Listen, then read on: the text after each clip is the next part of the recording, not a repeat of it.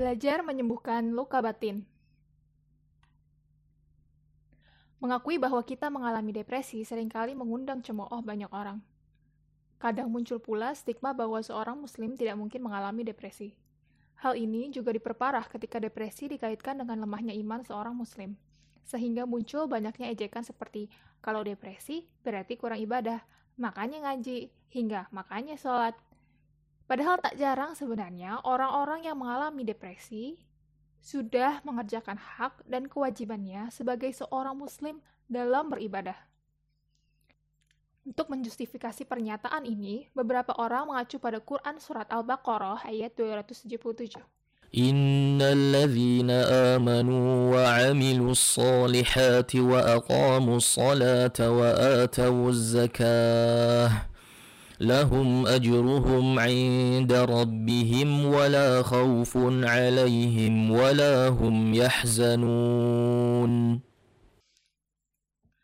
Sungguh, orang-orang yang beriman mengerjakan kebajikan, melaksanakan sholat, dan menunaikan zakat, mereka mendapat pahala di sisi Tuhannya. Tidak ada rasa takut pada mereka, dan mereka tidak bersedih hati. Padahal perlu kita pahami bahwa sebenarnya ayat ini mengacu kepada kondisi orang yang beriman di akhirat, bukan di dunia.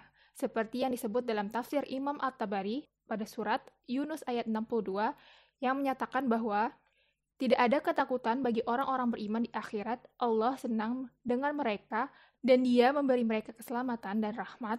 Mereka juga tidak akan berduka atas apa yang mereka lewatkan di dunia ini. Hal ini juga didukung oleh tafsir Ibnu Katsir pada ayat yang sama. Orang-orang mukmin tidak takut dengan apa yang akan datang pada hari kebangkitan, dan mereka tidak mengalami kesedihan atas apa yang mereka tinggalkan di dunia. Meskipun artikel-artikel psikologis yang beredar di internet memudahkan orang untuk mengaku-ngaku depresi tanpa adanya diagnosa klinis, tidak bisa kita pungkiri keberadaan muslim di luar sana yang benar-benar mengalami depresi karena luka batin nyata yang mereka miliki dan disertai diagnosa klinis. Lalu, apakah Islam memiliki solusi untuk menyembuhkan luka batin? Mari kita simak cara Rasulullah menyembuhkan luka batinnya. Perlu kita sadari bahwa luka batin adalah hal yang sangat wajar dan normal bagi kita manusia yang fitrahnya memang lemah. Apalagi mengingat bahwa dunia ini memang merupakan tempat ujian bagi orang yang beriman.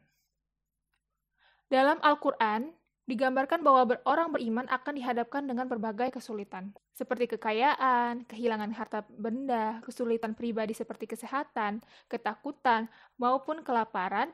Selain kesulitan, bentuk ujian kita juga ditunjukkan oleh Allah melalui keberuntungan dan kesenangan hidup yang dialami selama di dunia. Perlu diingat bahwa ujian-ujian ini juga berlaku untuk semua umat, termasuk yang terbaik dari kita yaitu nabi-nabi pendahulu kita.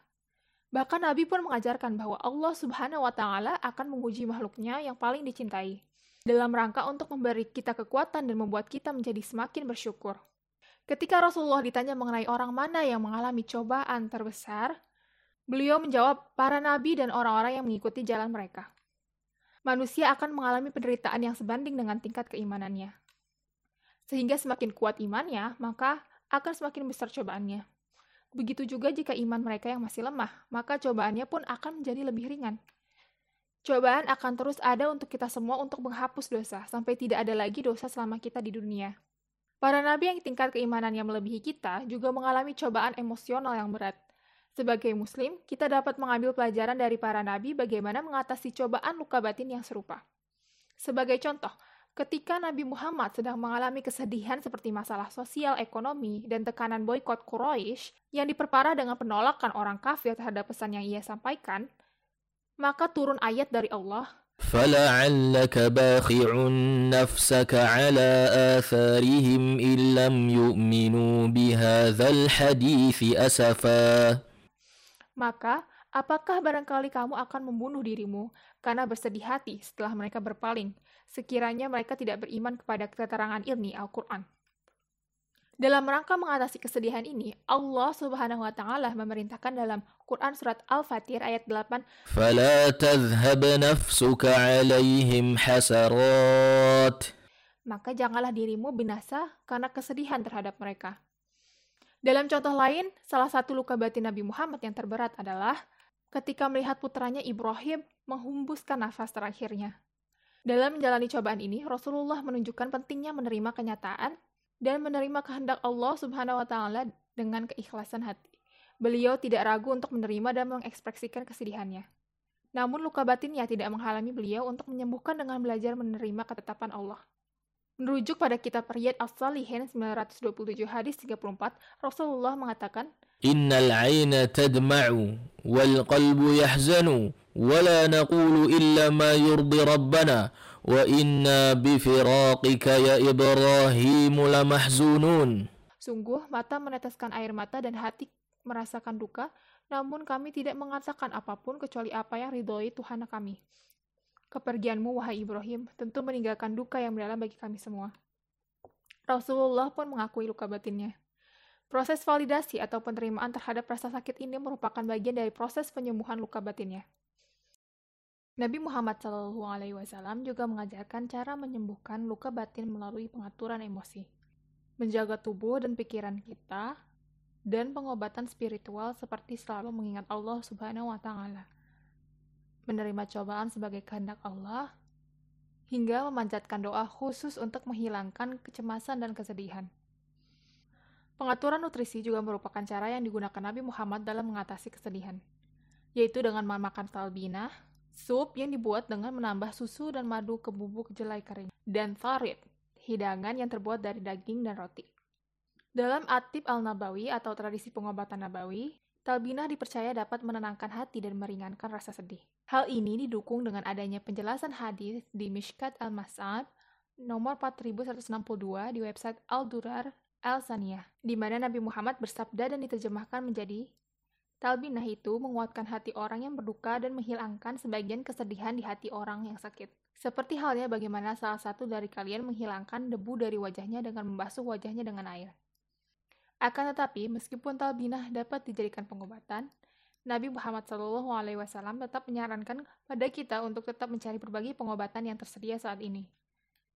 Seperti yang dikutip dalam hadis riwayat Sunan At-Tirmizi nomor 2038, "Tadawu fa inna Allah lam yada' da'an illa wada'a lahu shifaan aw qala dawa'an illa da'an wahidan." Gunakanlah obat karena sesungguhnya Allah tidak menciptakan penyakit kecuali ia telah menciptakan obatnya kecuali untuk satu penyakit. Dalam hadis ini, penyakit tanpa obat yang dimaksud adalah kematian. Dari beberapa hadis Rasulullah yang telah kami sebutkan, kita bisa menarik pelajaran penting, yaitu bahwa untuk mengatasi masalah medis sesungguhnya, umat muslim juga didorong untuk mencari solusi medisnya.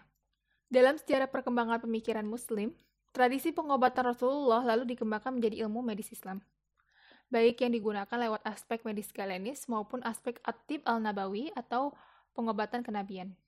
Melalui tradisi pengobatan Rasulullah inilah pondasi tradisi Islam dalam merawat kesehatan mental dilanjutkan oleh generasi muslim setelah beliau. Beberapa orang mungkin mengaitkan masalah kesehatan mental dengan fenomena yang berbeda, seperti pandangan jahat, hasad atau nafah, kerasukan setan jin, dan juga sihir, Meskipun ulama seperti misalnya Ibnu Taimiyah mengatakan bahwa semua kejadian ini bisa memiliki dampak nyata bagi kesehatan mental kita, namun tidak semua masalah mental berhubungan dengan hal gaib. Sehingga untuk situasi klinis yang memang membutuhkan solusi klinis yang tersedia di zaman ini, muslim tidak dilarang untuk mendapatkan bantuan dari psikiater maupun psikolog. Hanya saja, sebagai muslim, dimensi spiritualitas dari proses kesembuhan kita tidak bisa disingkirkan begitu saja dalam menyembuhkan luka batin. Hal ini berkaitan dengan bagaimana Islam memandang proses pengobatan secara holistik. Mau tahu bagaimana kesehatan mental dipahami dalam tradisi pengobatan Islam yang holistik? Simak jawabannya di vlog-vlog kami selanjutnya insya Allah. Wabillahi taufik wa hidayah. Assalamualaikum warahmatullahi wabarakatuh.